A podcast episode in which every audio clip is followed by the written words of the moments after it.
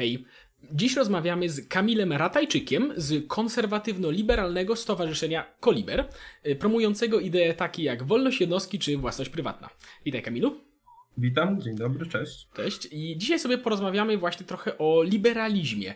I może ja chciałbym właśnie zacząć od tego, żebyś nam przedstawił ze swojej strony, co twoim zdaniem i, i z perspektywy też stowarzyszenia, które reprezentujesz, co to w ogóle znaczy liberalizm, co to jest, na czym to polega, również co to znaczy y, bardziej szczegółowo konserwatywny liberalizm, bo wiem też, że naciskaliście bardzo, że, że to jest y, tak odmiana, którą, że tak powiem, promujecie, oraz dlaczego w ogóle to jest y, wartościowy światopogląd, dlaczego ktoś chciałby móc zostać liberałem.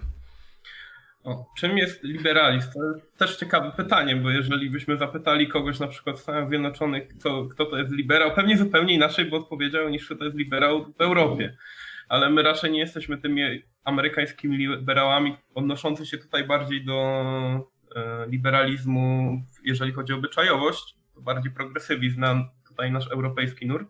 E, dla nas liberalizm, jeżeli chodzi o stowarzyszenie Koliber, e, to jest koncepcja państwa minimum, wycofania się państwa z relacji społecznych, ograniczenia jakby tego państwa do minimalnych, tutaj tylko tych najbardziej potrzebnych mm, elementów, E, czy to chodzi tam o kwestie infrastrukturalne, czy właśnie zapewnienia bezpieczeństwa, e, czy równości prawa, a nie, nie że wszyscy są równi, tylko równouprawnienia, czyli jakby stosowania tego silnego, tej koncepcji silnego państwa minimum, czyli że państwo ma być małe, ale ma być kompetentne w swoich działaniach. E, no i tak to w skrócie, jeżeli chodzi o co my uważamy, czym jest liberalizm, a my jesteśmy konserwatywnymi liberałami, czyli uważamy, że ten liberalizm jest jakby najbardziej efektywny, na przykład ekonomicznie, e, uważamy. No i tutaj myślę, że e, można się w taką merytoryczną polemikę wdać właśnie, że ten liberalizm ostatecznie okazuje się być najbardziej efektywny ekonomicznie. E, też chodzi o taką jak podstawę aksjomatyczną tego, że uważamy, że państwo nie ma jakby kompetencji takich do tego, żeby w ogóle ingerować na, za bardzo e, w to życie obywateli. Z drugiej jednak strony jesteśmy konserwatystami, jeżeli chodzi o kwestie obyczajowe. Przywiązujemy wagę do takich rzeczy jak patriotyzm, e, do rodziny, e, do, uważamy, gdzie wyznajemy, nie wiem, może ja, bo tu jeszcze potem to sprecyzuję, bardziej tego konserwatyzmu ewolucyjnego, czyli że nie można jakby przerywać pewnych naturalnych tradycji, etc., przechodzących z pokolenia na pokolenie, E, i zapytałeś się, dlaczego uważam, dlaczego tak uważamy, że to jest tą dobrą ścieżką. Nikt nie jest dobrym sędzią w własnej sprawie, więc nie powiem, o jesteśmy super teraz i w ogóle to jesteśmy najlepsi, bo też zakładam, że mogę się mylić, bo zawsze w takich kwestiach trzeba zakładać, że można się mylić, szczególnie, że e, nie ma jakby ostatecznie empirycznego dowodu, która ideologia jest najlepsza. E, ale uważamy, że jesteśmy ruchem, który nie zapewnia jakichś tutaj myśli utopijnych, że nasze społeczeństwo, jak już wprowadzimy utopijny schemat, to już będzie świetnie i w ogóle wszyscy będą szczęśliwi. Nie uważamy, że jeżeli chodzi o liberalizm, po prostu gdzieś tutaj tak merytorycznie, empirycznie najlepszy, jeżeli chodzi o kwestie ekonomiczne. Uznajemy wolność za przynależną każdej jednostce. E, no i tutaj ktoś może mi powiedzieć, wolność nie jest najważniejsza. No wtedy nie będę mógł się z nim kłócić. No jakby jest to pewien już paradygmat, pewne wyjście z pewnej pozycji. No jeżeli ktoś nie uznaje wolności za wartość, no to trudno mi z nim dyskutować. No dobra. Wychodzicie z innych założeń po prostu wtedy, tak? No właśnie, no i trudno, tak. E, no okay. i mhm. a jeszcze tak może ten konserwatyzm, a już tutaj bardziej wchodzą takie kwestie filozoficzne. Uważamy, że je, jeżeli uda nam się urzeczywistnić to państwo liberalne, liberalną gospodarkę, wprowadzić mechanizmy austriackiej szkoły ekonomii do funkcjonowania e, ekonomicznego państwa, e, to w życiu ludzi może pojawić się pewna pustka. E, ten konserwatyzm ma odpowiadać na pewne takie potrzeby duchowe tych ludzi, którzy derzą się z tym wielkim światem, który będzie ich tutaj pociągał takimi hedonistycznymi pokusami. E, I ten konserwatyzm ma być odpowiedzią na taką pustkę, e, która może się pojawić w społeczeństwie, które będzie miało będzie dostatecznie dostatne, żeby nie musieć robić zbyt wiele z przymusu i poszukiwać sobie jakiegoś celu, jakichś wartości. I tutaj odpowiedzią jest konserwatyzm nasz, okay, nasze ja. wydanie. Jasne. Ja mam, ja w ogóle generalnie ja tak mam.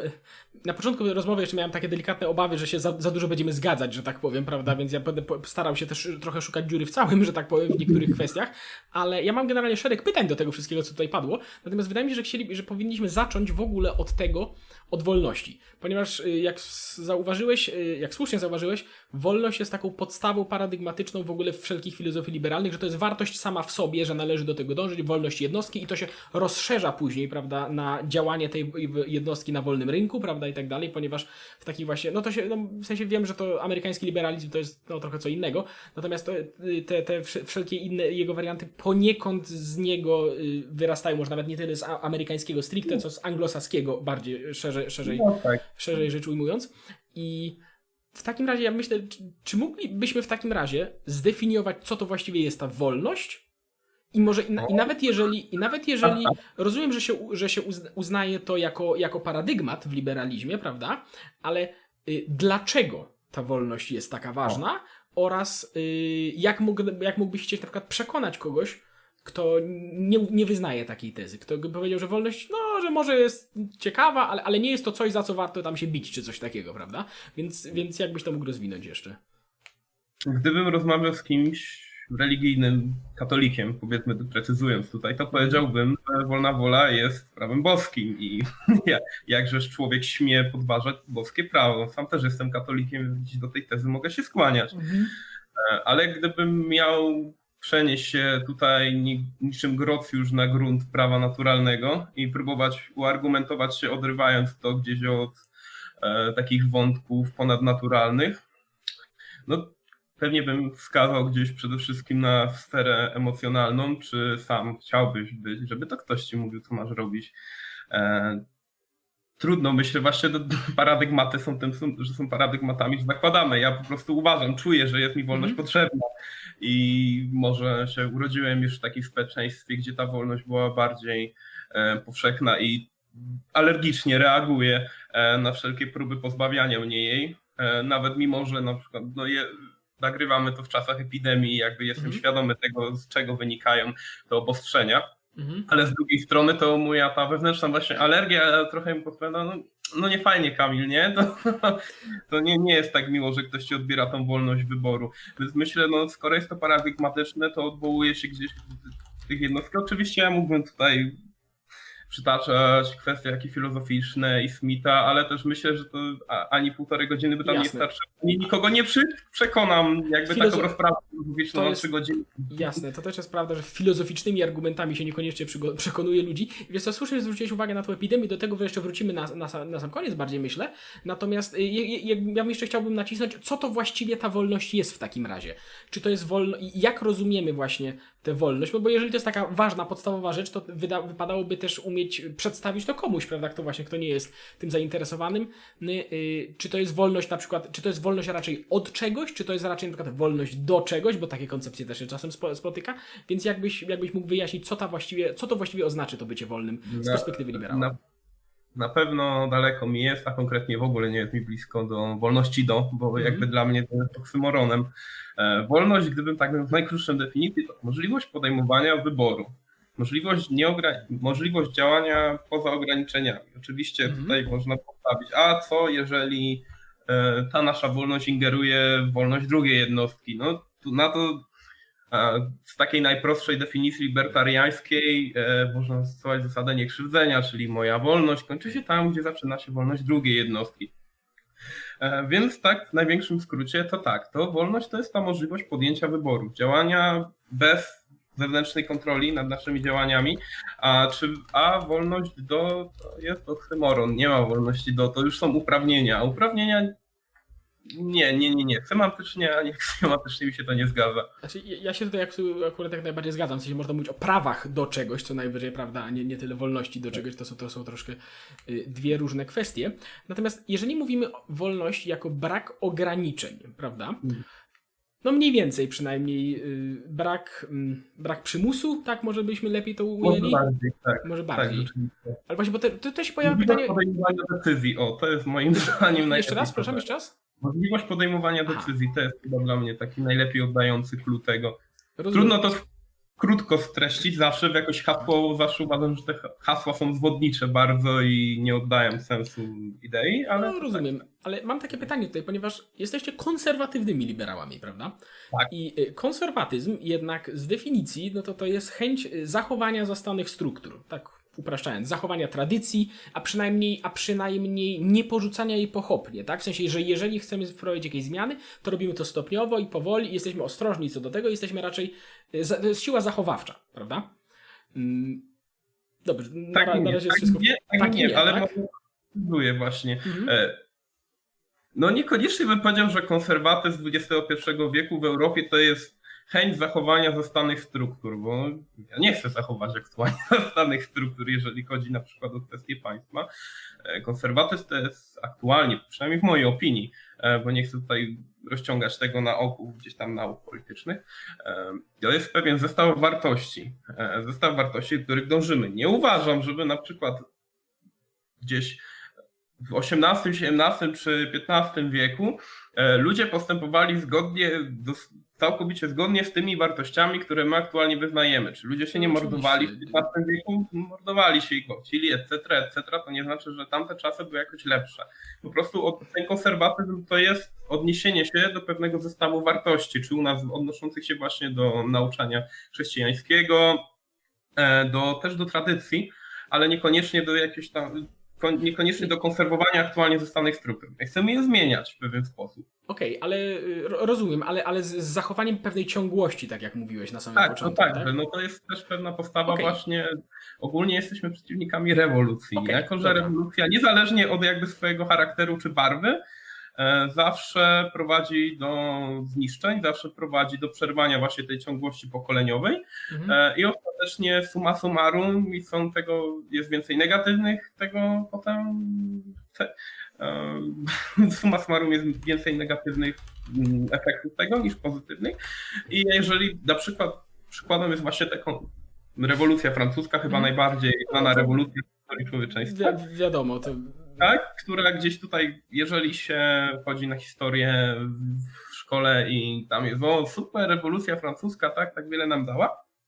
nie wiem, No czy ale tak jest w szkołach, szczerze mówiąc teraz, ale... Nie, znaczy, rewolucja francuska jest generalnie przedstawiana pozytywnie.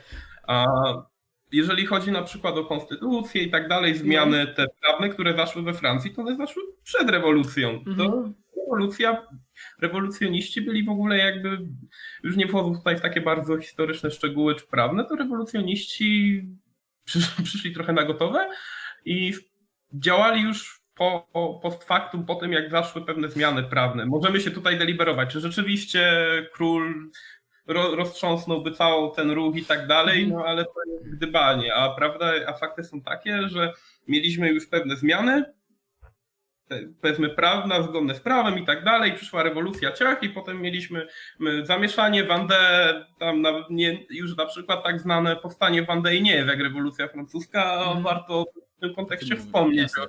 O, rewolucyjnych ślubach na przykład, Jasne. jak się wywiązało ludzi wspólnie tam i dowodów. Tak. To jest, to, jest, to jest kol- kolejny temat też taki trochę dramatyczny, ale miałem, mia- chciałem nawiązać jeszcze do tego konserwatyzmu wracając, ponieważ okej, rozumiem, że, że tak, że zmiany tak, ale zmiany, ale y, zmiany tak, ale przy zachowaniu, że tak powiem, ciągłości tego, co było dotychczas Tak, i nie odrywanie y, tego w całości. Dobra, i ch- chodzi mi o to, że mm, przy tego typu rzeczach, przy, tak jak mówisz, pewnym systemie wartości, zachowaniu rzeczy takich jak rodzina, czy tam tradycja, prawda, i tak dalej, to są wszystko pewne struktury, które mm, dają człowiekowi, który wchodzi do społeczeństwa, pewną formatkę, do której, której y, stan, pewien stan domyślny, do którego powinien dążyć, który jest przedstawiany jako wartościowy, jako coś, do, do czego należy aspirować i tak dalej.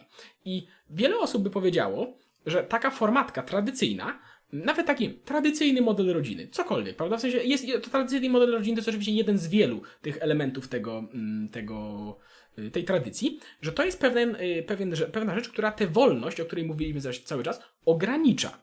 Ponieważ sugeruje ci, że pewne rozwiązania w tej dziedzinie są lepsze, a inne są gorsze. I nawet jeżeli y, po- podejdzie do tego w sposób powiedzmy liberalny, że możesz sobie żyć tak jak chcesz, ale my powiemy, że jeżeli żyjesz w ten sposób, to to jest niewłaściwe, to niektórzy by powiedzieli, że to jest pewien sposób ograniczania wolności. I tutaj, i, bo, no bo w Polsce poza takimi właśnie y, liberalizmem, że tak powiem, konserwatywnym, właśnie takim, że nastawiamy się na wolność, ale głównie ekonomiczną, no też są osoby, które się nazywają liberałami głównie z nacisku światopoglądowego, prawda? No oni by się z wami nie zgodzili raczej.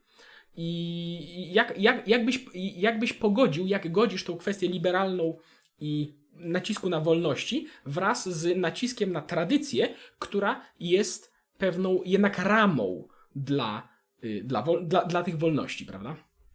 No tak, ale jak sam zauważyłeś, e, my nie postulujemy jakby tego konserwatyzmu formalnego, w sensie, że nie, nie będzie prawa, które będzie realizować nasz, nasz światopogląd na obyczajowość i tak dalej. E, Ten konserwatyzm obyczajowy będzie się przejawiał raczej przez promowanie pewnych postaw już nie, nie przez państwo, tylko gdzieś społecznie. I tak rzeczywiście jest to pewną formatką, jak ująłeś, może też zaasymiluję to słowo. No ale z drugiej strony spójrzmy na to tak. E, Mam prawo sam wybierać pewną swoją drogę życia, mam prawo jakby kierować się pewnymi wartościami, mam prawo je promować.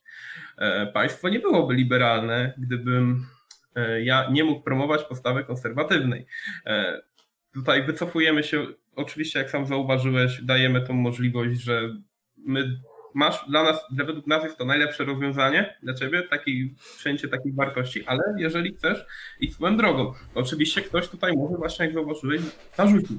No, ale no, to nie jest do końca takie liberalne, ktoś będzie tam pod ostracyzmem społecznym, Mhm. etc., etc., ale z drugiej strony, jak my mamy zmusić ludzi, żeby nie, nie stosowali ostracyzmu wobec ludzi, którym nie podoba się, jak postępują? No to też by było antyliberalne, tak? No to my w tej sferze, w której nie da się tego regulować, tej obyczajowej, której nie powinno się regulować, postulujemy takie rozwiązania. I jakieś rozwiązania istnieć muszą. Zawsze Mhm. będą, kształcą się. My uważamy, że to jest najlepszą drogą, a no jakieś i tak wykształcą. Nie ma, nie, nie, niemożliwe, żeby istniało społeczeństwo bez jakichś obyczajów, etc., etc. Jasne, czyli bo, bo właśnie, bo też podrążę tutaj to jeszcze to troszkę, ponieważ niektórzy powiedzieli właśnie, że y, presja społeczna, tak? Mm, Czy presja rodziny, czy presja tradycji nawet, czy pewnych struktur nawet pozapaństwowych, nie wiem, takich jak kościoła, prawda, czy coś takiego, y, to też jest, nawet jeżeli nie idą za tym formalne obostrzenia, że czegoś nie wolno ci robić, bo spotka cię za to kara prawna, y, tylko jeżeli spotka cię kara w postaci właśnie presji społecznej czy ostracyzmu, y, ktoś by powiedział, że to też jest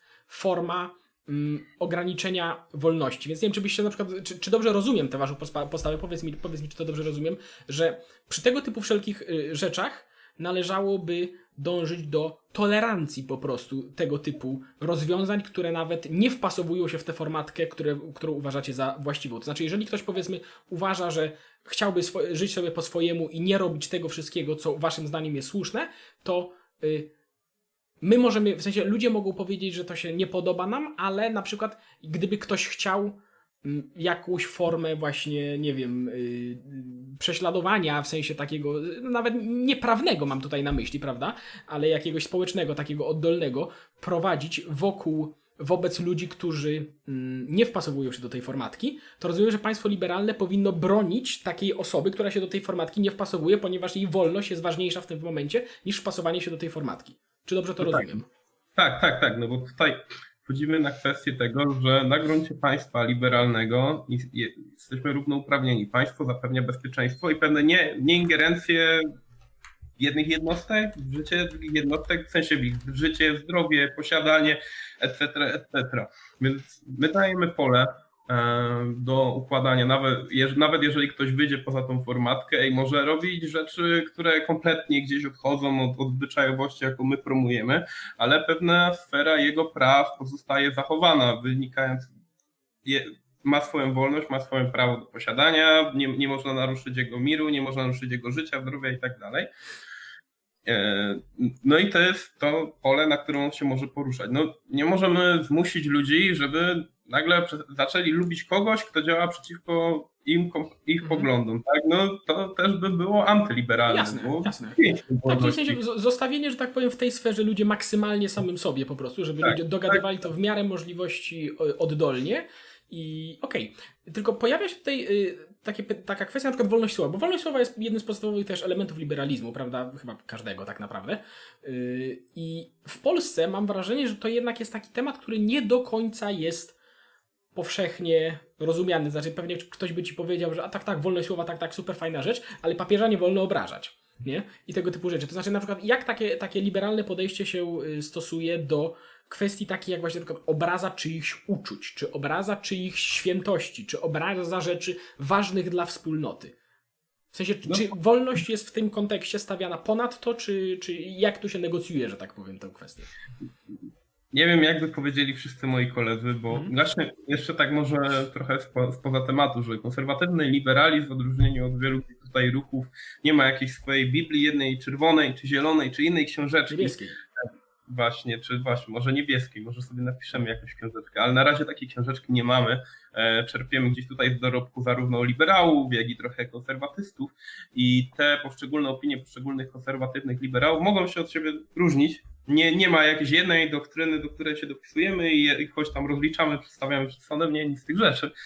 E, więc ja się wypowiem tylko w swoim imieniu. Ja uważam, że e, obrażanie jakiejś świętości i tak dalej społeczeństwo może potraktować to ostracyzmem, może u, u, z taką osobą na przykład nie trzymać kontaktów albo e, wyra, wyrażać swoją antypatię, ale z drugiej strony też nie, nie uważam, żeby państwo miało sankcjonować to, że ktoś e, działa w sposób obrazoburczy dla innej grupy. Mhm. Ja prywatnie nie uważam. Tak jest, uważam w ogóle, że państwo powinno wycofać się z kwestii e, tego, co jest, co wolno powiedzieć, albo jakie poglądy można wyznawać, bo teraz może powiem coś kontrowersyjnego Mhm. na przykład, ale nasza konstytucja zakazuje e, działania i promowania ideologii totalitarnych. No ale to już w pewien sposób, ja jakby nie jestem ani komunistą, ani faszystą, ani nazistą i też te poglądy mi są bardzo dalekie, E, ale z drugiej strony, dlaczego też państwo sankcjonuje to, że te któreś poglądy są nieakceptowalne? To już jest pewna ingerencja w sferę światopoglądu obywateli. Mhm. Nigdy bym nie zagłosował na faszystów, nazistów, komunistów, czyli nie poparł, ale z drugiej strony, dlaczego państwo sankcjonuje, że oni nie mają prawa do swojego działania? Y, tak, w sensie, y, bo ja się tutaj, ja tutaj, tak jak mówiłem, za bardzo się będziemy zgadzać tutaj, ale mam nadzieję, ale roz, ro, będziemy to też trochę drążyć, ponieważ są tutaj, jest tutaj sporo ale. I ja się zgodzę w tym, w tym temacie, że jeżeli już mamy na przykład prawo zabraniające nawoływania do przemocy, prawda? No bo nie można nawoływać do przemocy, nie można nawoływać do kradzieży, prawda? To jeżeli jakieś zbrodnicze ideologie mają w sobie elementy takiego nawoływania, na bo nie powiedzmy, że komuniści by nawoływali do odbierania y, kapitału, tak, y, kapitalistom, prawda, środków produkcji i tak dalej, i tak dalej, no to jest nawoływanie do kradzieży, tak? W sensie nie trzeba, jeżeli by ktoś faktycznie do czegoś, czegoś takiego nawoływał, to nie trzeba mieć y, prawa zabraniającego głoszenia komunizmu, wystarczy mieć prawo zagłaszanie, zabraniające nawoływanie do kradzieży, no, bo to jest w porządku, tak? W sensie to, to, to, to nie narusza tego. Natomiast takie kategoryzowanie tego w ten sposób, też mi, ja się zgodzę tutaj, że niepotrzebnie narusza właśnie tą wolność światopoglądu, ponieważ jeżeli ktoś na przykład jest faszystą, czy komunistą, czy kimkolwiek, ale robi to u siebie na podwórku, prawda, i ma osoby, sobie, ochotę, wiesz, na, na 1 maja wywieszać y, flagę z- czerwoną z balkonu i się modlić do Karola Marksa, to proszę bardzo, co nie? Ale jeżeli nie, nie, dopóki to nie wychodzi na naruszanie czyjejś wolności, to nie ma, nie mam żadnego powodu, dla którego, nie, nie, nie, nie znam żadnego powodu, dla którego państwo miałoby chcieć prześladować go za głoszenie takich tez dopóki, po- ponownie, dopóki czegoś to nie narusza. Natomiast w tym momencie teoretycznie tak jest. Ja wiem, że z, z praktyką, z egzekwowaniem tego bywa różnie. Natomiast y, dodatkowo taką rzecz tutaj dodam, że jeżeli na przykład ktoś z naszych znajomych, ktoś z naszych y, jeżeli, jeżeli jakiś człowiek w naszym otoczeniu rzeczywiście ma takie poglądy, no to w, ty, w tym momencie on, on może mieć czuć potrzebę ukrywania się z nimi, prawda? I my na przykład nie wiemy, że tam sklepikarz spod trójki jest faszystą, prawda? A być może lepiej byłoby, gdybyśmy to wiedzieli. Być może tego typu, gdyby ludzie byli transparentni w tym, to być może właśnie by to sprzyjało nawet rozwiązywaniu tego typu rzeczy. No bo nie wiem, czy, czy poszlibyście do sklepu, gdyby jakiegoś osiedlowego, gdybyście wiedzieli, że jego, że jego właściciel jest, jest prywatnie faszystą. Prawda? Czy by to wpłynęło na wasze wybory konsumenckie i tak dalej? Więc wydaje mi się, że być może ta większa transparentność mogłaby tu nawet trochę mm, dodać przejrzystości do tego wszystkiego. Natomiast w tego typu kwestiach y, wielokrotnie podnoszona jest idea, mm, co w kwestii wolności, jeżeli chodzi o zachowania, jak również wypowiedzi jawnie destrukcyjne dla mm, tej idei, którą chcemy promować. Ponieważ ludzie powiedzą, że ludzie mogliby powiedzieć, że liberalizm to jest właśnie taka rzecz, która y, toleruje również rzeczy, które chcą go zniszczyć. I no bo jeżeli chcemy tolerować wszystko, dopóki ktoś tam nie nawołuje bezpośrednio do przemocy, no to możemy na przykład, no to powinno się tolerować ludzi, którzy by y, nawoływali do demokratycznego wybrania faszystów do władzy, tak? Bez nawoływania do przemocy bezpośredniego. Mm, Jeżeli ktoś chciałby, no bo w, tym, co, w, tym, w tym, co mówimy teraz, mm, nie powinno być sprzeciwu bezpośredniego z tym, gdyby ktoś po prostu chciał namawiać ludzi do tego, żebyśmy zorganizowali państwo faszystowskie u siebie, prawda? No ale gdyby to się stało, no to wiemy, że następnym krokiem jest likwidacja tego liberalizmu, który, na to, który by na to pozwolił. Więc jak się y, na tego typu kwestie zapatrujecie? Nie wiem, jak się wszyscy moi koledzy No, zapatrują. po- No, ja nadal nie, oczywiście. ale ja nadal nie uważam, żeby mm, właściwym było ingerowanie w ruch jakiś faszystowski, który właśnie nie namawia do przemocy, nie namawia do łamania wolności i tak dalej, ale chce wygrać wybory. No, ta, takie są zasady demokracji także, no, że każdy może zostać wybranym, a jeżeli znajduje e, swoją, swoich popleczników, no to nie powiem czemu nie, bo by mi to przeszkadzało. E, Ja osobiście ruchem, który powinniśmy zrobić, to działać także na gruncie społecznym, żeby faszyści nigdy nie doszli do władzy, czy komuniści. Mhm. Ale też nie, państwo nie, nie powinno mieć kompetencji, jakby to jest aksjologicznie nieuzasadnione, żeby państwo mogło teraz, a wy ich wybrać nie możecie, bo to też się kłóci trochę zasadami demokracji. To To teraz tak mamy na przykład. Faworyzuje, tak, faworyzuje wszystkich innych poza tymi wykluczonymi, bo wy nie możecie. To nie jest demokratyczne i to nie jest liberalne, chociaż ja demokratą szczególnym nie jestem, bliżej mi do, do, do państwa, nie, nie, nie, nie, nie tutaj, że tam zniszczyć demokrację, tylko po prostu jestem zwolennikiem państwa mieszanego, Mhm. więc gdzieś tam demokracja sama sobie nie jest dla mnie taką na- nadmierną wartością, bardziej państwo prawa, o czym możemy dalej podyskutować, bo to też jakby jest część liberalizmu. Ale nie, nie sprzeciwiałbym się, nie, znaczy nie, nie popierałbym państwa opresujących partię faszystowską chcącą dojść do władzy. Raczej bym działał społecznie, żeby faszyści nigdy nie doszli do władzy. I to właśnie robi Koliber, bo zajmuje się też działaniem społecznym, e, gdzieś taką edukacją społeczną, ekonomiczną, historyczną, etc., etc., żeby nigdy faszyści czy komuniści nie doszli do władzy. Dobra, ale można by ponownie, bo można by powiedzieć, że to jest tego, to, że, to że, że, że, to, że ta ideologia tak naprawdę zostawia sobie taką furtkę, yy, znaczy nie sobie, tylko zostawia w sobie taką furtkę dla. Mm, kto, ktoś mógłby powiedzieć prawdopodobnie, że z tą furtką jest ona sił, siłą rzeczy skazana na to, że wcześniej czy później, nie wiadomo czy wcześniej czy później, ale znajdą się ludzie, którzy to wykorzystają i w jakiś sposób zaczną podminowywać te fundamentalne zasady, y, na których to się opiera. Nawet jeżeli to nie jest droga parlamentarna, to nawet jeżeli to jest powiedzmy na drodze, nawet jeżeli to jest na drodze y, propagandowej, populistycznej, prawda, czy nakłaniania ludzi do jakichś antyliberalnych postaw w społeczeństwie. Na przykład, no nie wiem, do tego, że no, są takie no, w Stanach Zjednoczonych teraz mamy tak naprawdę, nie tylko w Stanach, na- Europie Zachodniej mamy y, tego typu przypadki, że na przykład ludzie, ludzie, pewne środowiska aktywnie namawiają, że do tego, żeby pewne osoby nie miały prawa głosu na przykład na uniwersytetach, ponieważ głoszą treści ym, nie, nieprzyjemne dla niektórych ludzi, prawda, albo potencjalnie niebezpieczne i tak dalej. No i pojawia się pytanie, jak y, no, na, przy, no, na, przykład, na przykład, czy może, na przykład, czy w państwie, jak, jak państwo liberalne, jak, jak liberalizm podchodzi do sytuacji, w której y, pewne środowiska lobbują za tym, żeby na przykład prywatne firmy y, nie dopuszczały ludzi o, albo ludzi do, o określonych poglądach, albo określonych poglądów, na przykład jeżeli to są firmy medialne, do zajmowania stanowisk u siebie, prawda? Ponieważ można powiedzieć, że to jest taka, taki zarzut, który się często czasem, że ja się przynajmniej spotykam czasem z, tego typu, że, mm, że y, no to, to żeby nie popaść w, jakieś, w jakieś ekstremizmy, to może nie będę wchodził w to aż tak strasznie głęboko. Natomiast, ale no właśnie, powiedzmy, że, że ludzie namawiają prywatną firmę, która powiedzmy zajmuje sporą część rynku na przykład medialnego, prawda? Do tego, żeby nie zezwalała na dane poglądy w swojej przestrzeni medialnej. I czy państwo liberalne powinno mieć jakiś ale tutaj, czy wszystko się odbywa w porządku, ponieważ to wszystko się odbywa na, na zasadzie dobrowo- dobrowolności? No właśnie, uważam, że nie, ale jakby... Czy nie, że nie powinno ingerować, tak? Państwo nie powinno, dlatego na przykład, że nie, trudno mi wyobrazić sobie, jak państwo ma ingerować w takie kwestie, w sensie, co teraz przyjdzie pan państwo, czy jakaś emanacja, czy Rada Radiofonii i Telewizji, czy inny organ, który będzie w takim państwie i stwierdzi, nie, nie, tego nie możecie emitować, no. Trudno mi sobie to wyobrazić, bo w takim momencie, kiedy państwo już by zaczęło dyktować pewien dyskurs medialny, to już państwo na, o, o krok, jeżeli nie totalitarne, więc Mhm. chociażby z tego względu uważam, że pomimo tego, że, gdy, że nie podobałoby mi się i bym na przykład nie oglądał telewizji, która głosiłaby poglądy. W ogóle nie oglądam telewizji, ale to mniejsza. E, przeciwne od moich, bym jej po prostu nie oglądał, zagłosowałbym portfelem. Mhm. E, I, ale nie, no, nie uważam, żeby państwo powinno mieć takie kompetencje, bo dlaczego?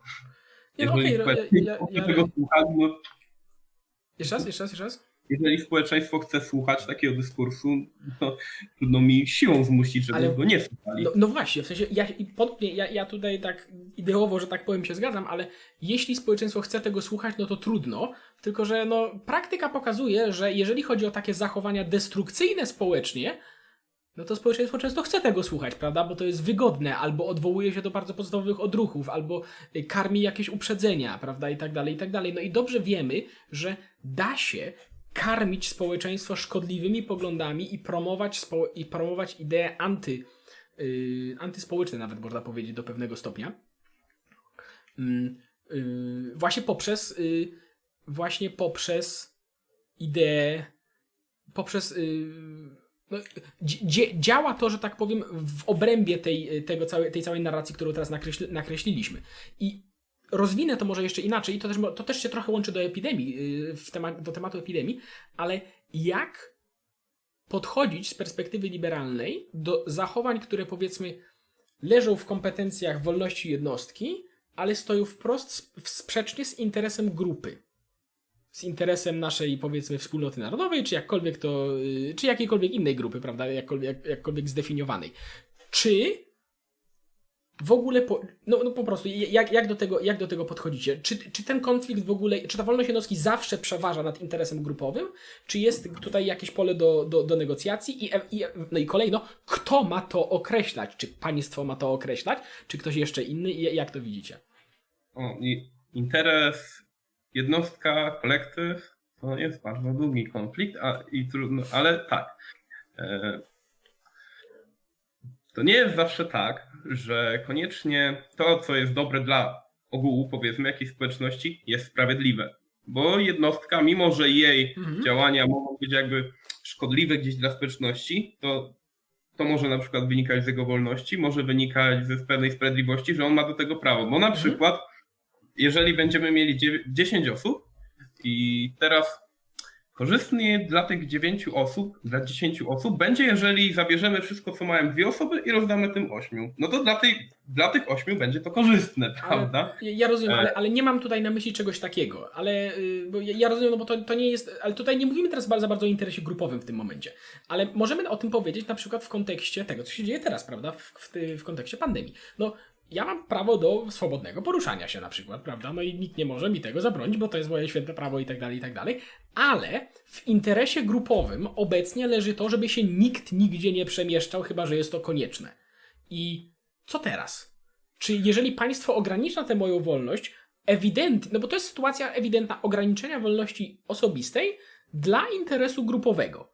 I czy to jest y, działa, to co mamy teraz, no bo to jest, jest sytuacja wyjątkowa ewidentnie. Czy to są działania nieliberalne, antyliberalne, czy lepiej byłoby, gdyby ludzie się sami do tego zorganizowali bez przymusu państwowego, czy jednak ten przymus państwowy jest konieczny w takich sytuacjach na przykład? Nie, no, uważam, że przymus państwa jest potrzebny, bo my nie Mhm. jesteśmy anarchistami, nie No. jesteśmy przeciwnikami państwa jako takiego. E, Państwo ma zapewniać pewne minimum bezpieczeństwa i nienaruszalności życia i zdrowia. Tutaj chodzi Mhm. właśnie w kwestię życia i zdrowia. Sytuacja jest co najmniej nadzwyczajna, nie ukrywając. E, I jakby ta, wol, ta, tutaj ta możliwość działania jest ograniczona nie tylko ze względu na jakiś dobro ogółu, że wszystkim nam będzie lepiej, ale także wolność jednostki, no bo e, każdej jednostce pogorszy się jakość życia, czy może pogorszyć jej życie, czy zdrowie w wyniku epidemii. E, Państwo w takich kwestiach może ingerować, bo sytuacja jest nadzwyczajna i zagraża wszystkim i, no, i musi zadbać właśnie o to minimum bezpieczeństwa tych swoich obywateli. Więc uważam, że no, nie jest to jakimś naruszeniem szczególnie koncepcji państwa indywidualnego, jeże- państwa liberalnego, jeżeli to te ograniczenia są tymczasowe i zmierzają do jakiegoś konkretnego końca i wynikają z takiej nadzwyczajnej sytuacji. Mhm. No to też dla mnie właśnie państwo. Tam ma, tam ma działać państwo w tych sferach, w których jakby to działanie społeczne byłoby nieefektywne. A tutaj widzimy, że efektywniejsze będzie jednak działanie Mhm. państwa. w ogóle efektywne, bo też trudno mi sobie wyobrazić, żeby samo społeczeństwo z siebie teraz było w stanie egzekwować e, takie obostrzenia. No tak, tak, dokładnie tak. Ale i okej, i ro, rozumiem, że to jest sytuacja, to jest rzeczywiście sytuacja kryzysowa, bo to się odnosi, rzeczywiście no, to jest na, narażanie życie, życia innych ludzi potencjalnie, prawda? Ale yy, granica, gdzie dokładnie się kończy taka sytuacja nadzwyczajna, gdzie państwo może ograniczyć twoją wolność do tego, gdzie, gdzie ten interes grupowy powiedzmy się zaczyna yy, rozmywać, jest, jest troszkę płynna i to jest bardzo... I, i wiele osób, również w Polsce, yy, ma coraz bardziej pomysły, że być może niekoniecznie, niekoniecznie powinno być to aż tak, aż tak zderegulowane. Bo na przykład popatrzmy na sytuację taką jak y, katastrofa demograficzna.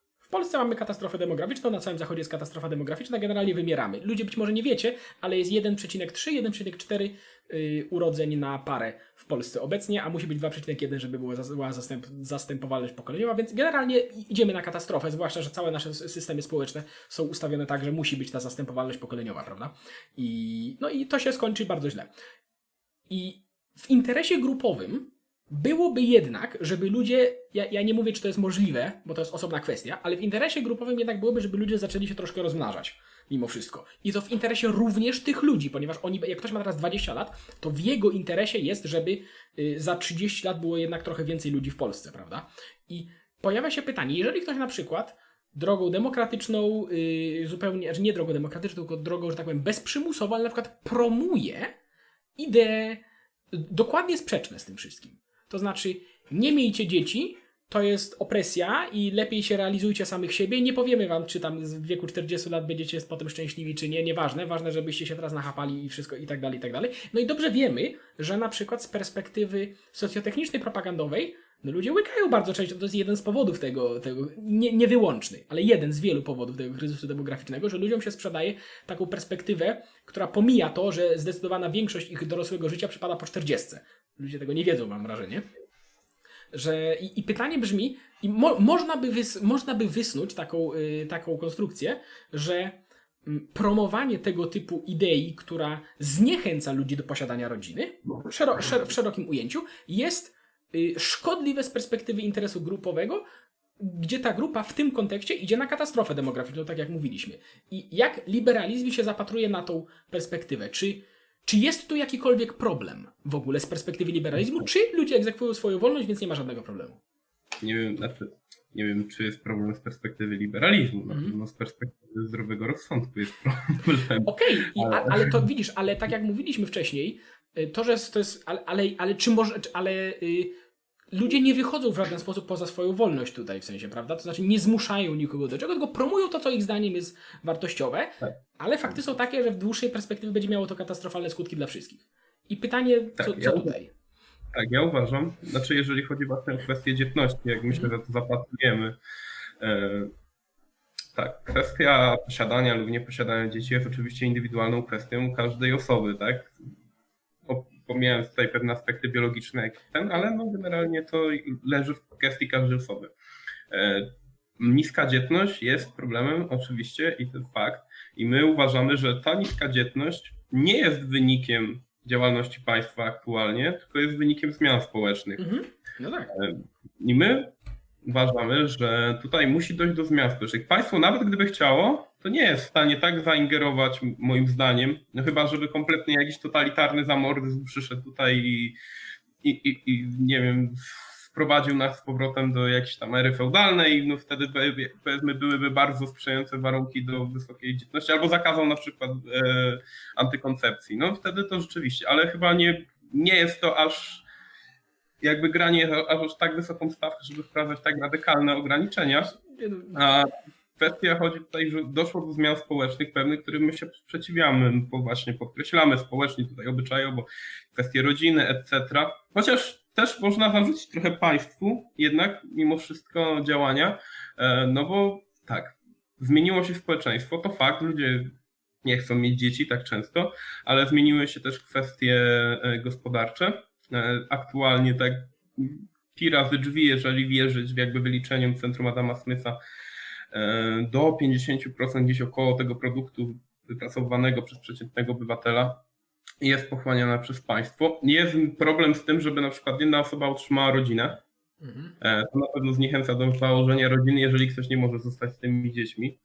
E, To są kwestie takie instytucjonalne, no ale przede wszystkim są zmiany obyczajowe i my też działamy jako Stowarzyszenie Koliber, trochę promując takie postawy, postawy życia, postawy rodziny, e, pewnych przywiązań do religii, do tradycyjnego modelu, e, który tą dzietność to akurat no, nie jest żadnym odkryciem, że taki model bardziej klasyczny społeczeństwa powodował, że ta dzietność była wyższa i to jest raczej naszą odpowiedzią. No ale jeżeli chodzi o zmiany instytucjonalne, no to pewnie może też pijesz do na przykład 500 plus, tego typu rzeczy. E, Nie, jak się okazuje, nie działa. To nie jest żadną, no nie działa. No tak. Kiedyś wyliczałem, tak, e, dla kaliskiego kolibra, że porównując rok 2015, który był ostatni bez 500 plus, do 2017 i tą różnicę dzietności, to wychodzi, że jedno dodatkowe dziecko kosztowało 750 tysięcy złotych około. No nie jest to chyba najefektywniejszy program, więc państwo, jak widać, takimi miękkimi środkami nie jest w stanie tego Mhm. zmienić. I, i, No tak, Tak, ja rozumiem, tylko że ja chciałem, bo bardziej mi chodziło o kwestię. ja- Oczywiście ja nie mówię tutaj o w ogóle jakimkolwiek przymuszaniu kogokolwiek do czegokolwiek, tylko o w, w momencie, kiedy no, mamy ten kryzys, prawda? I pewne osoby egzekwując swoją wolność w sferze głoszenia poglądów, tylko o to mi chodzi. W sferze głoszenia poglądów pogłębiają ten kryzys, powiedzmy, prawda? I dla jasności, ja nie stoję, bo tak jak mówię, ja się raczej zgadzam z tobą, ale, ale staram się tutaj o, o, no, przedstawić jak najbardziej yy, ludzi, którzy mogli mieć zarzuty do tego, do tego, do tego, yy, do tego poglądu, że co, co, co, co z osobami, które tak jak mówię, głosząc w swojej wolności, głosząc poglądy, pogłębiają tego typu kryzys. Nawet nie musi być ten kryzys, to może być, to może być co innego, prawda? Czy, czy, czy z perspektywy właśnie tej liberalnej to jest nic z tym nie możemy zrobić poza głoszeniem poglądów przeciwnych, czy być może jednak powinno być w jakiś sposób to regulowane, bo nie wiem, jakie są inne opcje. No właśnie, widzisz, aż sobie nie możesz wyobrazić, czym to, jak to ująć, jak nie puścić. No nie, no uważam, że mimo, że to jest szkodliwe, to ani nawet trudno mi sobie wyobrazić trochę narzędzia, chyba cenzurę, która by miała komuś zakazać mówić takie poglądy, które gdzieś tam uznajemy. O właśnie, musielibyśmy wtedy też wyjść, że państwo ma poglądy. I że Mhm. ma pogląd taki, a nie inny, że, że takie działania doprowadzą do zmniejszenia dzietności, a zmniejszenie dzietności doprowadzi gdzieś tam do przyszłych problemów ekonomicznych czy społecznych, no wtedy już zakładamy, że państwo ma jakieś, identyfikuje się z jakąś ideologią. A I też państwo nie ma poglądów? Samo istnienie państwa jest pewnym poglądem. No, no tak, dobra, ale, ale, czy tak, ale państwo, powinno czy państwo... maksymalnie neutralne w tych poglądach. Okej, myślę, widzisz, to jest... Jeszcze tak tylko Mhm. to tak, no to tylko i aż, czyli działać społecznie kontr temu. E, staramy się robić, nie wiem, no może ze średnim skutkiem, ale no nie, nie wszystko, nie, nie zawsze ci, którzy mają rację zwyciężają, to nie jest nic nowego, historie Okej. są zwycięstwa. Ale widzisz, ale tutaj, tutaj właśnie powiedziałeś coś, co, z czym byś się właśnie chyba nie zgodził, ponieważ mówisz, że państwo powinno być maksymalnie neutralne w tym wszystkim. I to jest właśnie, bo to jest taka... To, jeszcze raz? Wycofane, może to doprecyzuję. Aha, wycofane. Okej. Ym, widzisz, bo z liberalizmem łączy się często taka koncepcja jak neutralność światopoglądowa. To jest takie coś, co często gdzieś tam się w tyle y, pojawia i może nawet nie, wchodzi, nie wchodząc stricte w tę koncepcję, ale czy państwo powinno być aby na pewno maksymalnie wycofane w ocenie światopoglądów? No bo jeśli tak, to na przykład przedstawiając, y, przedstawiając his- na przykład na historii w szkole, prawda? No his- na historii w szkole państwo konstruuje program nauczania i przedstawia dzieciom wydarzenia. Czy wydarzenia na przykład z czasów II wojny światowej potrafi, powinny być przedstawiane maksymalnie bez nacechowania oceniającego tego, co tam się działo? Czy może jednak na przykład, bo jeżeli chcielibyśmy powiedzieć, no nie wiem, naziści byli źli, to co, zrobił, to, co zrobiła Narodowo-Socjalistyczna Partia Pracy w III Rzeszy było złe, no to już nie jest neutralność światopoglądowa, prawda? To jest już, nawet jeżeli nie stawanie w konkretnym światopoglądzie, to przynajmniej potępienie pewnych światopoglądów. I, i co, i co właściwie? Ponieważ. A y, właśnie Ty różni neutralność od tego wycofania, o którym mówi, mhm. o którym mówiłem, że neutralne to właśnie, jak mówisz, pewnie by musiało nie powiedzieć, że Hitler był zły, a państwo wycofane nie układałoby programu. No dobra, ale to się, no, to, no nie ma tak, no ale to już wchodzimy w jakieś tam libertariańskie sfery, prawda? A mimo wszystko póki co jednak to jest yy, w jakiś sposób w jakiś sposób no, nie, nie, nie ma możliwości wyjścia z tego na chwilę obecną, prawda? I ta ocena faktów przecież, ocena różnych zjawisk społecznych przez instytucje państwowe jest nieunikniona moim zdaniem, więc ja się, ja, ja rozumiem, no mówię, to jest dłuższy temat, ale y, nie zgodziłbym się z tym, z tym, ze stwierdzeniem, że państwo powinno być maksymalnie wycofane, w sensie ze wszystkich tego typu ocen.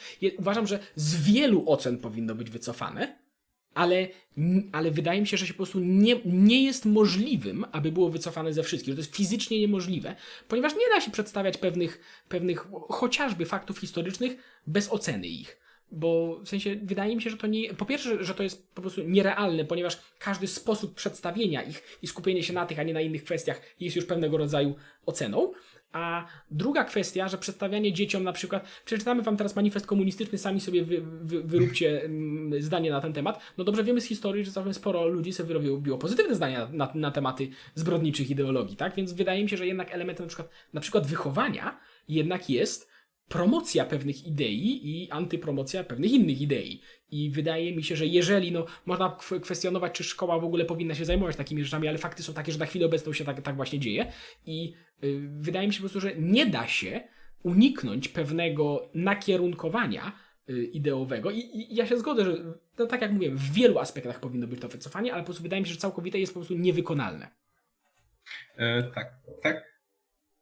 Tak, gdzieś tam po części masz rację, w sensie maksymalnie neutralny, w sensie nie uważam, że w ogóle fakt istnienia państwa jest już wyrazem pewnej ideologii, że powinno istnieć państwo. dokładnie. No tak, to nie, to nie jest tak, no słusznie stwierdzasz, że nie ma takiej możliwości, żeby państwo było całkowicie neutralne światopoglądowo. Ale o co chodzi mi z tym wycofaniem?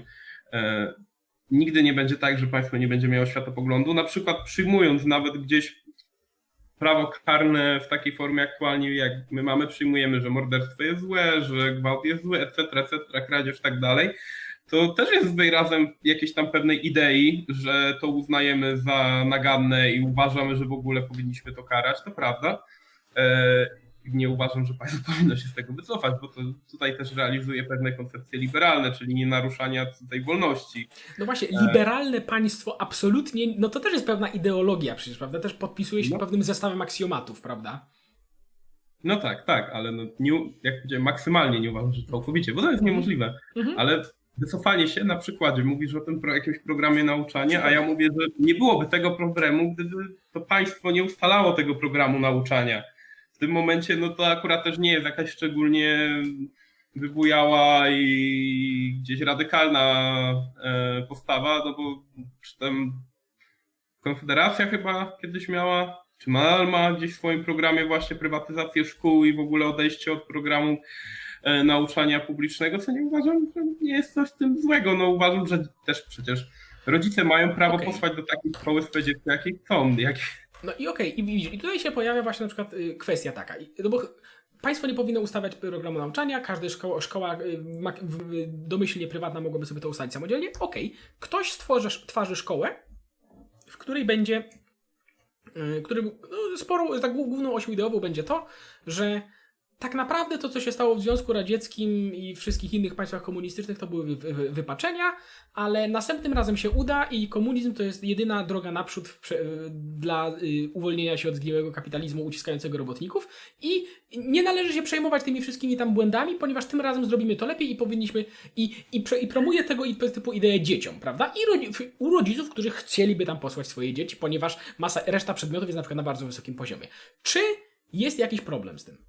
Dokładnie opisałeś publiczną szkołę, tylko że jakiś zachodni uniwersytet w tym momencie. No, ale, ale to jest duża różnica, ponieważ zachodni uniwersytet jednak y, głosi to, i oczywiście nie wszędzie, ale pewne, pewne fakultety na niektórych, zachod, niektórych podkreślam, zachodnich uniwersytetach mają takie idee, to prawda, ale jednak jest to głoszone ludziom, którzy są w znacznie bardziej, w znacz, znacznie bardziej ukształtowani, bo jeżeli ktoś ma 20 lat, to jest znacznie bardziej ukształtowany niż 10-latek przecież, prawda? No, to też nie jest do końca. Nie, nie do końca tak uważam, że studenci to nie jest taka chłonna gumka. Z Nie, to jest, to jest bardziej chłonna gąbka niż 30-latki, ale znacznie mniej chłonna gąbka niż 10-latki, o to mi chodzi. No, tak, tak, to prawda. Dobra, może wracając do, do klubu pytania początku. E, No dobra, to raz, że tutaj wchodzimy też z pewnymi mechanizmami rynkowymi. Czy rodzice koniecznie chcieliby do tego typu szkoły posłać swoje dzieci? No to też jest pytanie. E, A dwa, znowu wchodzimy w pewne kwestie światopoglądowe. Ja komunizm potępiam, uważam, że w ogóle komunizm to jakby... Nie musimy się, no wiemy, wiemy, no wiadomo, tak? No w sensie, jak ktoś ogląda ten tak. kanał, to raczej pewnie też potem jak komunizm, Tak, więc... tak. To warto jednak przypominać, która, która ideologia była najbardziej zbrodnicza w historii świata. Ale nieważne, a, a, kom- a, Ale z drugiej strony, czy ja mam prawo znowu mówić jakimś rodzicom komunistom, których tam dziadkowie byli w PZPR-ze, a pradziadkowie gdzieś tam w komunistycznej partii polskiej, że oni nie mogą posłać swoich dzieci do szkoły, która będzie im tam robiła wykłady z marksizmu, leninizmu. No, ja to prywatnie potępiam, ale z drugiej strony, czemu też mam... No ale wyobraźmy sobie na przykład... no. Okej, ale wyobraźmy sobie na przykład, że y, ktoś z zagranicy zakłada taką szkołę w Polsce, pompuje w nią ogromną ilość pieniędzy i przyciąga do tej szkoły, głosząc, wyobraźmy sobie, że takie poglądy mogą być trochę inne, tak? I przyciąga do tej szkoły y, ludzi, y, kusząc rodziców na przykład jakimiś super dodatkami, że nie wiem, dzieci mają darmowe obiady, coś tam jeszcze wysyła ich na kolonie, no nie wiem, w jakiś sposób mega atrakcyjny promuje tego typu, tego typu idee, prawda? I... Mhm. Wiesz, i, to, i tu nie ma, wiesz, i tutaj nie ma, i tu jest powiedzmy zaburzony, być może nawet, znaczy właśnie nie jest zaburzony, no bo ktoś na, na wolnym rynku z zewnątrz też ma prawo przecież wejść tutaj, prawda? I, i jeżeli ma ochotę tak sobie dys- dysponować własnymi środkami, to właściwie dlaczego nie? No ma, I- ma prawo. I panowie, wejść, nie ma z tym żadnego problemu w kwestii, w kwestii liberalnej, tak? W sensie, czy są jakieś narzędzia, które można by tutaj podjąć, czy ponownie jedyne, co można zrobić, to głoszenie, że nie powinno się tego robić? Znaczy, narzędziem jest wolny rynek, w którym ta osoba, która by zainwestowała te pieniądze i teraz stwierdziła, a rzucę pół miliarda na taką szkołę, to mu rzuciłaby swoje pół miliarda. Mhm. Czy ktoś by się znalazł nagle, który rzuciłby olbrzymie pieniądze, żeby promować jakieś tam komunistyczne postawy? Też jest pewną odpowiedzią. No przecież tak zasadniczo To jest taki przykład tylko, prawda? No ale myślę, że zna, myślę, że nie trzeba daleko szukać, że można znaleźć ludzi, którzy No. rzucają całkiem spore pieniądze na promowanie szkodliwych społecznie idei, tak? Mm. Ponieważ na przykład są one opłacalne z perspektywy ekonomicznej dla ludzi produkujących No tak, te, a nie tak. inne rzeczy, więc to jest tylko przykład z tym komunizmem oczywiście. no nadal trudno mi tutaj, na, na, nadal mogę powiedzieć tylko tyle, że no oczywiście będę potępiał, no ale jakie ja mam prawo ingerować, to znowu komuś, no co, nie dawaj pieniędzy, no to przestań, nie rób tego, no zakażemy ci wybudowania sobie szkoły, jakiej ty sobie marzysz, no Znaczy, wiesz co, może inaczej. Wiesz co, ja do tego wszystkiego bo tak jak mówię, ja tutaj staram się wynaleźć po prostu jak najbardziej, wiesz, jak największe, że tak powiem, kontrargumenty do tego. Natomiast ja ze swojej perspektywy bym powiedział, że y, te wszystkie argumenty, że liberalizm y, stwarza pewne zagrożenia związane z tego typu rzeczami, to wszystko oczywiście prawda. Tylko, No że tak. wydaje nam się, że z tej, z, z, w tej perspektywie ta, ten nacisk na tą wolność jednostki i te zagrożenia z tym płynące są po prostu mniej szkodliwe niż dostępne alternatywne rozwiązania. Tak. To znaczy chęć próby regulowania przez państwo, czego można uczyć, a czego nie można uczyć, przyniesie w praktyce więcej szkód niż przyzwolenie na potencjalne y, nauczanie właśnie czegoś szkodliwego Tak. przez. I to jest to samo jest w kwestii wolności słowa. To znaczy, y, wolność słowa skończy się na tym, że ludzie będą głosić y, szkodliwe poglądy. Tak, to prawda, ale to jest mniej zła, mniej szkodliwa sytuacja niż sytuacja, w której państwo dyktuje, które poglądy są właściwe, a które nie, ponieważ jeżeli chcemy, żeby była to jakaś regulowana, to musimy oddać odgórnie, mm, to musimy oddać odgórnie y, ideę, y, możliwość decydowania po o tym, y, które poglądy są właściwe, a które nie, a jeżeli takie to zostanie oddane, to siłą rzeczy do tego zacznie przeciekać interes klas rządzących, czy jakkolwiek to ujmiemy. I i tego typu i idea, że można powiedzieć zawsze wszystko, po, po, tak jak mówiłem, z obostrzeniami, powiedzmy, nawoływania do przemocy, prawda, czy, czy, czegoś, co skutkuje wymierną szkodą. No wiadomo, że, że oczywiście są takie praktyczne, pragmatyczne ograniczenia tego, ale idea, że poza tym można powiedzieć wszystko, y, jest właśnie narzędziem do rozwiązywania konfliktów, yy, przepraszam, problemów, bo konfliktów zresztą też. W sensie, jeśli się pojawia jakiś problem, to nie ma groźby, że nie będzie można o nim powiedzieć. Ponieważ bardzo dużo problemów historycznie w bardzo dużej ilości ustrojów y, wygląda tak, że gdy pojawia się jakiś problem, to z, y, z perspektywy władzy nie można o nim mówić przez jakiś czas, prawda? Albo władza robi wszystko, żeby ten problem nie był znany i tak dalej, i tak dalej. A w momencie, kiedy jednak mamy nacisk na tę wolność słowa, to tej, tego problemu po prostu nie ma. W sensie wszelkie problemy w zastanym systemie mogą być, y, y, jest łatwiej się do nich odnosić właśnie przez to, że jest swoboda wmówie, wmówienia o nich, tak mi się wydaje po prostu. Tak, znaczy w ogóle ja tak zacząłem i może powtórzę, że y, może, o właśnie, niedługo mija mi 5 lat w Koliber i I tak tylko wspomnę, co mnie przyciągnęło bardzo, co zwróciło moją uwagę na cały ten świat konserwatywno-liberalny, że my nie, nie obiecujemy nikomu utopii. Świat ten konserwatywno-liberalny, gdybyśmy w 100% za, swój program wprowadzili tak, by Polska wyglądała, nadal będą biedni, zawsze ktoś będzie biedny, kto, ktoś będzie zamordowany, etc., etc., bo nie ma utopii, nie wierzymy w utopię i zawsze gdzieś stosując jakieś generalne rozwiązanie, znajdą się jakieś zjawiska marginalne, które nie będą dyskredytować całości tego rozwiązania. Tak samo przekładamy to na całą ideologię. Nie wierzę ja też prywatnie w to, że można stworzyć jakiś utopijny system, w którym wszyscy będą szczęśliwi, wszyscy będą bogaci, piękni, etc. I zawsze będą istniały jakieś zjawiska marginalne, które jednak nie definiują całości tego zjawiska, jakim jest dana ideologia, czy na przykład konkretne rozwiązanie jak wolność słowa. Mhm. Dobra, spoko. I wiesz co, mam jeszcze taką jedną rzecz. Yy, przechodząc już do kolejnego tematu, bo też mi się wydaje, że, że mniej więcej to zostało wyczerpane. Powiedziałeś, że jesteś, yy, że sprzeciwiasz się rewolucji całkowicie, prawda? Że uważacie, że wychodzi z że to jest złe rozwiązanie. Jest masa historycznych przykładów, no oczywiście nie musimy, no wiadomo o co chodzi. Natomiast, no bo rewolucja sprowadza się do yy, całkowitego zburzenia zastanego systemu, prawda? I Mhm. chęci zbudowania czegoś całkowicie od zera. I, no i tak jak mówię, przykłady historyczne wiemy, jak to się kończyło. Ale co jeśli zastany system jest fundamentalnie zły? W sensie fundamentalnie zły co do zasady. Czy w takiej sytuacji, czy w takiej sytuacji rewolucja, to, bo rewolucja nie musi być zbrojna, prawda? To może być, że będzie rewolucja obyczajowa i tak dalej. Czy w takiej sytuacji rewolucja jest uzas- uzasadniona? No ale właśnie, no teraz musielibyśmy zdefiniować, czym jest to kompletnie złe państwo i czym będzie ta zawsze rewolucja. Znaczy myślę, że to jest pewna figura retoryczna, że będzie istniało absolutnie złe państwo i tak, ale Nie, nie, niekoniecznie. No nie- Wy- Wyobraźmy sobie historyczny przykład. Mm.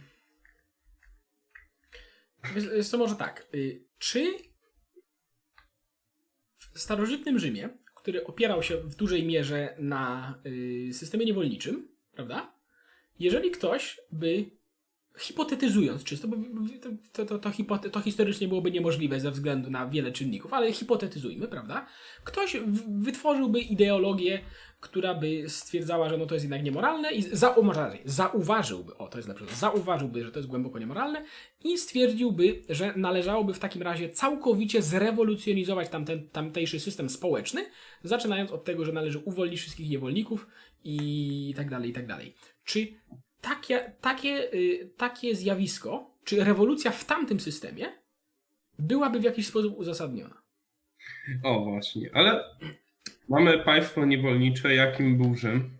Na przykład. E, No i teraz powiedzmy, no jest ta osoba, która gdzieś postuluje właśnie e, zniesienie niewolnictwa i jakie możemy przyjąć rozwiązania tego. No, może być to rewolucja, co zresztą się zdarzało, ale jak skończył Spartakus, jak skończyli wszyscy inni niewolnicy wiemy.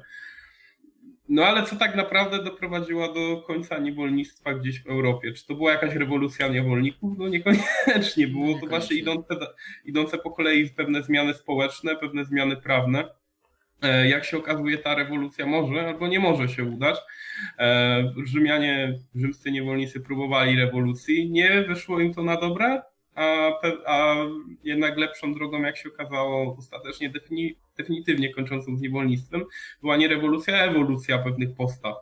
Więc Tak, akurat w tak. przykładzie ostatecznie okazało się, że no ta rewolucja spełzła na niczym, pogarszając tylko sytuację, bo przez to po prostu umarli gdzieś tam No okej, ukłuci Gladiusem, więc okej, okay, w sensie... tak bardzo egoistycznie teraz nie, nie do końca się odnoszą do meritum, no ale no tak, no to niewolnictwo, albo na przykład można spojrzeć, mm, jak to było w Stanach Zjednoczonych z niewolnictwem. Mhm. Co prawda zgodna z prawem, ale w pewien sposób była ta rewolucja społeczna, no bo z dnia na dzień ta niewolnictwo zniknęło. No i teraz fajnie, super, niewolnictwo zniknęło, a jaki był tych los niewolników wolnych potem już wyzwoleńców? No nie, to jakby nie jest żadną tajemnicą gdzieś, że potem niekoniecznie łatwo było im się odnaleźć w społeczeństwie, gdzieś zostali ludzie wychowani w niewoli, zostali zostawieni sami sobie kompletnie, zrobiono to w sposób właśnie taki rewolucyjny i czy nie odniosłoby to lepszych skutków, gdyby robić to ewolucyjnie, stopniowo, nie wiem, wdrażać ich do tego społeczeństwa, zamiast zrobić idźcie. No właśnie, to jest właściwie bardzo dobry przykład, ponieważ tak, bo jeżeli mówimy o, Rzymach, o Rzymie i powolnych zmianach, to właśnie nie mamy zmian, które zaszły w XVIII-XIX wieku, tylko zmian na, na przełomie średniowiecza tak naprawdę, gdzie ta sytuacja naprawdę się poprawiła. To jest zupełnie osobny temat, ale, ale y, to, to, to niewolnictwo już tam kilka razy znikało w Europie i ono nigdy nie zniknęło całkowicie i nadal nie zniknęło całkowicie. To nie jest tak, że dzisiaj nie ma niewolników czy coś takiego, tylko są inne tego formy i inne te, tego miejsca. Natomiast właśnie Stany Zjednoczone są bardzo dobrym przykładem tego, że bo można powiedzieć, że w Stanach Zjednoczonych mieliśmy rewolucję całkowicie obyczajową, jeżeli chodzi o niewolnictwo i y, to, co teraz powiem, absolutnie nie wyczerpuje tego tematu, to jest tylko jeden z elementów, ale myślę, że mm, nie trzeba szczególnie. Myślę, że nie, nie przesadzę, jeżeli powiem, że Stany Zjednoczone są krajem, który ma całkowicie, znaczy nie całkowicie, ale bardzo mocno zaburzone relacje rasowe, prawda? No w sensie historii, no nie muszę chyba tego rozjaśniać, prawda? W sensie wi- wiadomo, jak to wyglądała tamtejsza historia. A na przykład kraje takie jak Wielka Brytania, która yy, Wielka Brytania znosiła niewolnictwo na przełomie 50 lat, o ile się dobrze pamiętam. I to było na zasadzie takiej, że stopniowo to było robione. Najpierw, najpierw zlikwidowano niewolnictwo w koloniach, potem stopniowo zakazywano handlu niewolnikami. Dopiero jak zakazano handlu niewolnikami, to, zaczyna, to zaczęto, to państwo w ogóle zaczęło wykupywać niewolników od, od właścicieli i robiło to stopniowe, stopniowo i Wielka Brytania swoje problemy ma, ale problemów rasowych takich jak w Stanach Zjednoczonych nie ma. I wydaje mi się, że to może być, i ponownie, to jest, to jest jeden z elementów, to absolutnie nie wyczerpuje tego tematu, ale warto się przyglądać na te, tego typu rzeczom, że nawet takie rzeczy, jak jednozna, które widzi, postrzegamy dzisiaj jednoznacznie źle i całe szczęście, y, kończenie ich w sposób rewolucyjny, pomimo iż może przynosić oczywiście pozytywne skutki jedne, to może jednocześnie, y, to, to może nie być to takie proste po prostu, że może mieć y, nieprzewidziane skutki po prostu mm, poboczne. A takich przykładów kolonialnych jest sporo. Mhm. Na przykład dobrym przykładem jest tutaj e, drugie wolne państwo na półkuli zachodniej, czyli Haiti. Haiti Mhm. postawiło na rewolucję i raz, że no, okupili to stratami, potem musieli spłacać się Francji. E, kraje, na przykład Dominikana po drugiej stronie tej samej wyspy zrobiła to ewolucyjnie w pewien sposób, jeżeli przykładamy to, te, te słowa na to i wyszła na to zdecydowanie lepiej, nie musząc nikogo spłacać. Albo na przykład, jeżeli mówimy o Wielkiej Brytanii, to trzeba spojrzeć na dwa, modele dekolonizacji, francuski i ten brytyjski. I widzimy tutaj tak, Brytyjczycy po kolei jakby tworzyli dominia, e, poszerzali jakby zakres autonomii tych swoich państw, które składały się na to Imperium Brytyjskie, jak szczególnie tych, w których była większość osób tam pochodzenia brytyjskiego, jak Kanada czy Australia.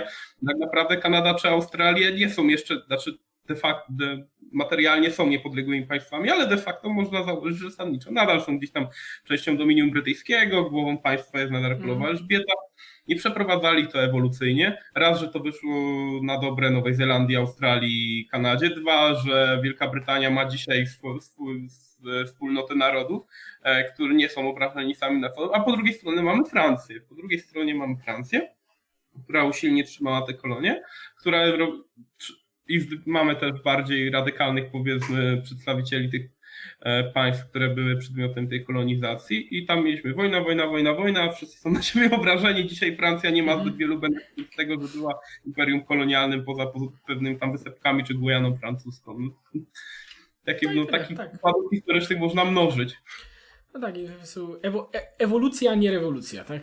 Tego się, tego się trzymajmy. Tak. Dobra, no i wydaje mi się, że wydaje mi się, że, że, że to wszystko, także, także bardzo dziękuję Kamilu za rozmowę. Mm, Jeżeli będziesz, y, umieścimy oczywiście linki do waszej, do waszej strony, do strony waszego stowarzyszenia w opisie, jeżeli ktoś jest zainteresowany. No i, i wydaje mi się, że to wszystko, także bardzo dziękuję za rozmowę i, i Dziękuję również. Pozdrawiam. Jasne. I do usłyszenia. zapraszamy oczywiście do debaty w komentarzach. Jeżeli się z nami nie zgadzacie, to koniecznie nam napiszcie dlaczego. Jeżeli się zgadzacie, tym bardziej nam napiszcie dlaczego. I kulturalnie wymieniajmy się ideami, bo nie ma lepszej opcji po prostu do nauczenia się czegoś nowego. I raz jeszcze wielkie dzięki w takim razie i do usłyszenia. Do usłyszenia. Do widzenia. Hej. Wielkie dzięki za uwagę, a jeżeli jesteście zainteresowani bonusowym fragmentem rozmowy, w którym poruszamy temat, dlaczego słowo liberał w Polsce troszkę źle się kojarzy oraz co można z tym zrobić, to zapraszam na grupę dla patronów, gdzie poza dodatkowymi materiałami znajdziecie też przedpremierowe informacje o nowych odcinkach oraz dodatkowe streamy wyłącznie dla patronów. Do usłyszenia. Hej. Jeśli chcesz być informowany o kolejnych odcinkach, to kliknij dzwoneczek powiadomienia, żeby żadnego nie przegapić. A jeśli chciałbyś pomóc w tworzeniu takich filmów, to zapraszam do wsparcia nas na Patronajcie. Do usłyszenia.